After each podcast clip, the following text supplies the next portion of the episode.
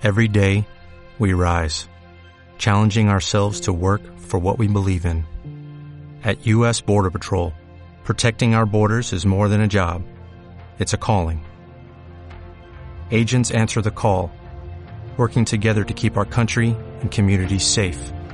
If you're ready for a new mission, join U.S. Border Patrol and go beyond. Learn more at cbp.gov/careers. Noticiesdelta.cat, el butlletí informatiu de Ràdio Delta, amb tota l'actualitat de Deltebre. L'exregidor de l'Ajuntament de Deltebre, Leocadio Ventura, va morir la matinada de diumenge a l'edat de 82 anys a conseqüència d'un accident de trànsit que va tindre lloc dissabte al migdia a la carretera de Riumar a la T340. Ventura va ser regidor per Convergència i Unió i membre de l'equip de govern de l'Ajuntament de Deltebre en el mandat 1999-2003. També va estar vinculat al món del futbol com a jugador i fundador de la Unió Esportiva Deltebre i després com a president en diferents etapes, ocupant el darrer mandat abans que l'entitat desaparegués la temporada passada. El sinistre en el que va morir Ventura va tindre lloc dissabte al migdia quan, per causes que s'estan investigant, el vehicle que conduïa i un altre van xocar frontalment al punt quilomètric 4,9 de la carretera T340.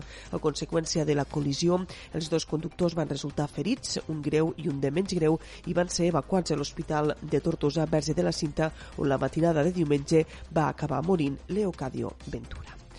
Més qüestions. L'índex de risc de Covid-19 al municipi de Deltebre s'ha enfilat per sobre dels 236 punts, el que es considera un risc molt alt després dels últims casos positius diagnosticats amb PCR en els darrers dies. Només entre divendres i ahir dilluns s'han diagnosticat 20 casos positius a Deltebre.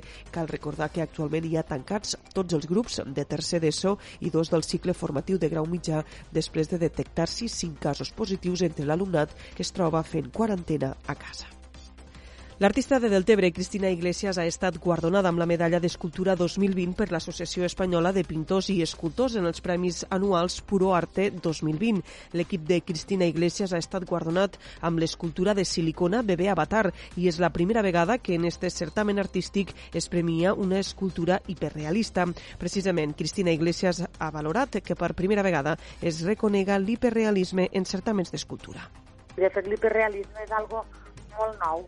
Aquí el que diguéssim a nivell peninsular no, pràcticament no n'hi ha d'artistes que treballen l'hiperrealisme. Llavors, la gent que pot veure exposicions en hiperrealisme per aquí sempre és per part d'artistes estrangers, no es coneix massa, no? Llavors, és com de dir, este nou registre aquí també s'està fent a prop i s'està fent en la mateixa qualitat que ho estan fent els artistes de fora, no?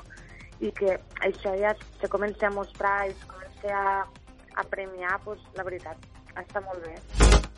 Les restriccions especials imposades a la Comunitat de Madrid per la situació de la pandèmia ha ajornat l'acte d'entrega dels Premis Puro Arte 2020 i també s'ha ajornat la inauguració de l'exposició que recull les obres guardonades en esta edició del certamen. Malgrat no s'ha pogut fer la inauguració, l'exposició ja es pot visitar físicament fins al pròxim 22 de novembre a l'espai El Silo de Hortaleza, a la ciutat de Madrid. També s'ha preparat un catàleg en línia per als que no puguen visitar-la presencialment. Més qüestions. La taula de consens pel Delta ha iniciat una ronda de reunions amb diferents grups tant del Parlament de Catalunya com del Congrés dels Diputats amb l'objectiu de sol·licitar-los la seva col·laboració en l'impuls del Pla Delta com a instrument de lluita planificada contra la regressió i l'execució de les mesures més urgents contemplades en el document. En la primera de les reunions, celebrada el passat dijous amb diputats del grup republicà al Parlament de Catalunya, el tècnic de la taula de consens, Rafa Sánchez, i els alcaldes d'Amposta i la Ràpita han defensat la necessitat de fer actuacions immediates en defensa del Delta, donat que, diuen, hi ha molta feina per a fer i poc temps per a fer-la. Això és tot el que us expliquem per ara. Ja saben que poden continuar informats, com sempre, a través del portal deltacat.cat.